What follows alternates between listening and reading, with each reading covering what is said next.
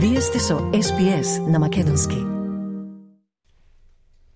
Вие сте со SPS на Македонски, со вас е Маргарита Василева.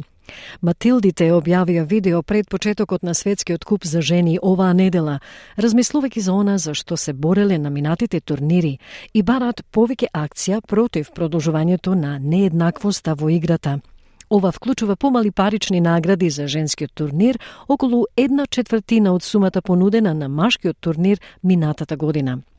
Играчите и експертите велат дека ФИФА мора да ги почитува своите заложби за родова еднаквост во фудбалот, доколку најголемиот женски спортски настан во историјата сака да има трајно влијание. Повеќе на оваа тема од Пенри Бакли за SBS News.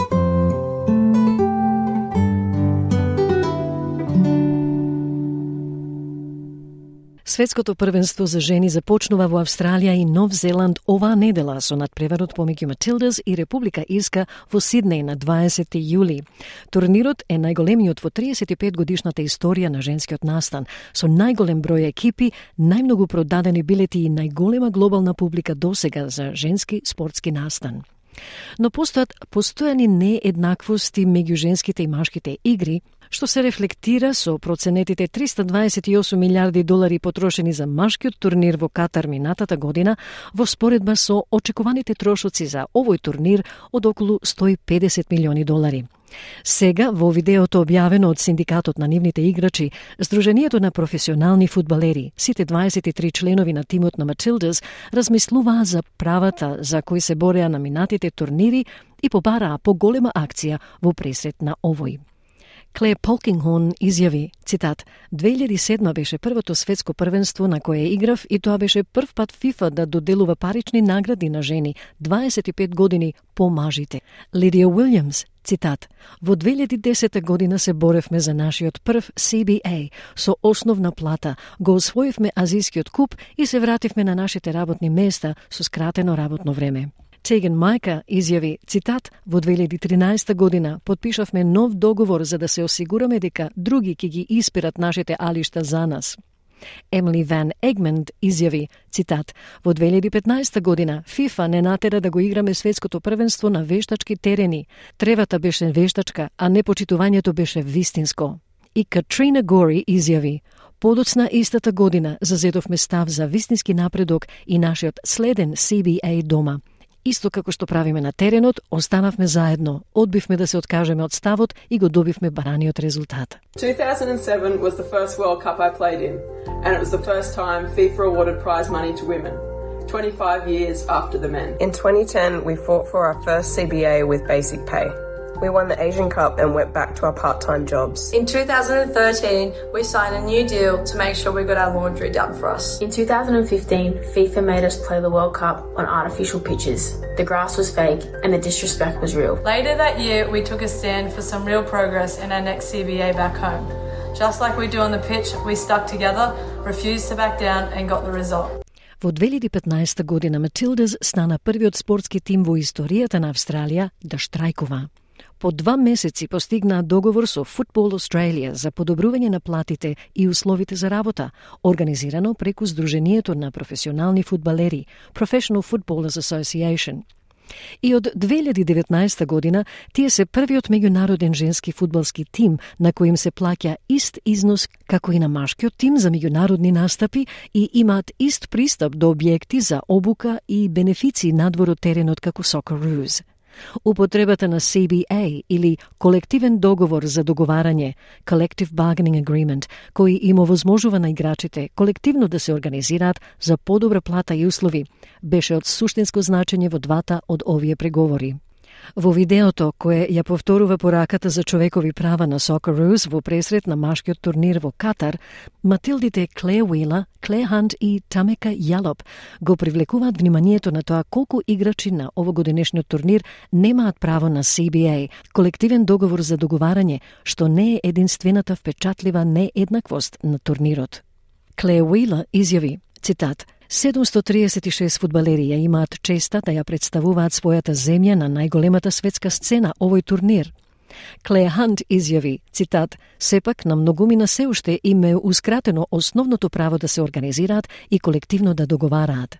И Тамека Јалоп изјави, Колективното договарање ни овозможи да се погрижиме сега да ги добиеме истите услови како Soccer Rules со еден исклучок. FIFA сепак ќе им понуди на жените само една четвртина парична награда во споредба со мажите за истото достигнување. 736 footballers have the honor of representing their country on the world's biggest stage, this tournament. Yet many are still denied the basic right to organise and collectively bargain. Collective bargaining has allowed us to ensure we now get the same conditions as the Socceroos with one exception. FIFA will still only offer women one quarter as much prize money as men for the same achievement. Наградниот фонд за овогодинешниот турнир е околу 160 милиони долари, што е повеќе од околу 44 милиони долари во 2019 година. Наградниот фонд за машкиот турнир минатата година беше околу 643 милиони долари, четири пати повеќе од таа сума. Во изјавата на Конгресот на ФИФА во Руанда во март, председателот Джани Инфантино рече дека амбицијата на ФИФА е паричната награда за машкиот турнир во 2026 година и за женскиот турнир во 2027 година да биде ист. Доктор Мишел О'Шей е виш предавач на факултетот за бизнис на Универзитетот на Западен Сиднеј. Таа ги истражува родовите и различностите во професионалниот спорт.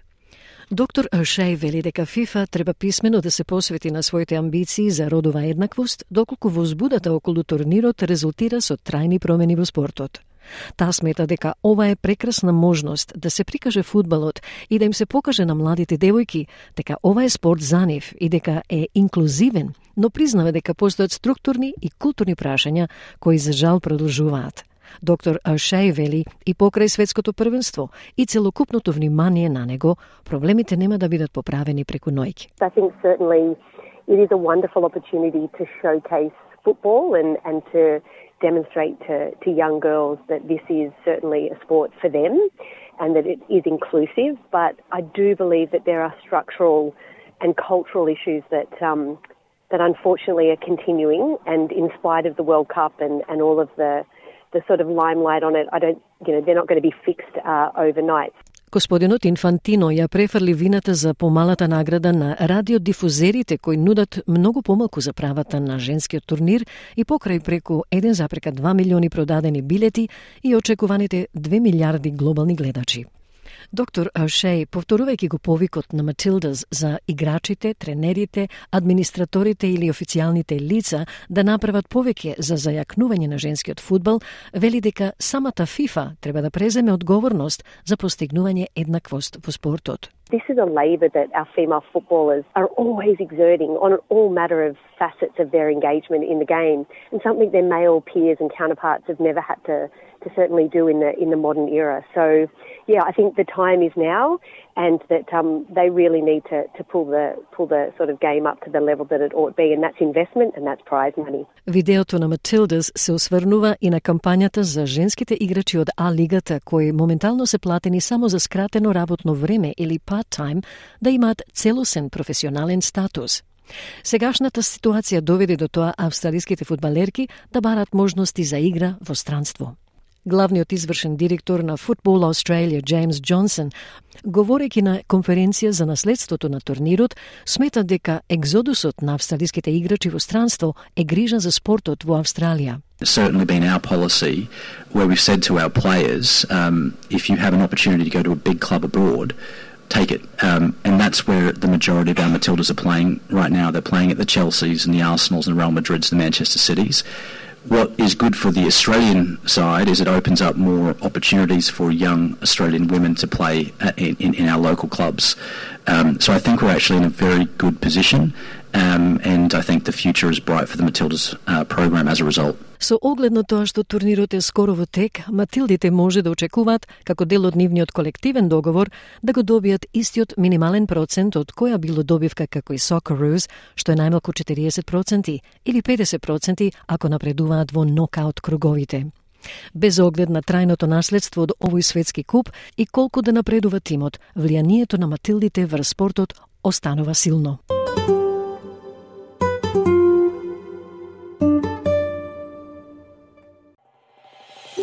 Сакате ли да чуете повеќе прилози како овој? Слушате подкаст преку Apple Podcasts, Google Podcasts, Spotify или од каде и да ги добивате вашите подкасти.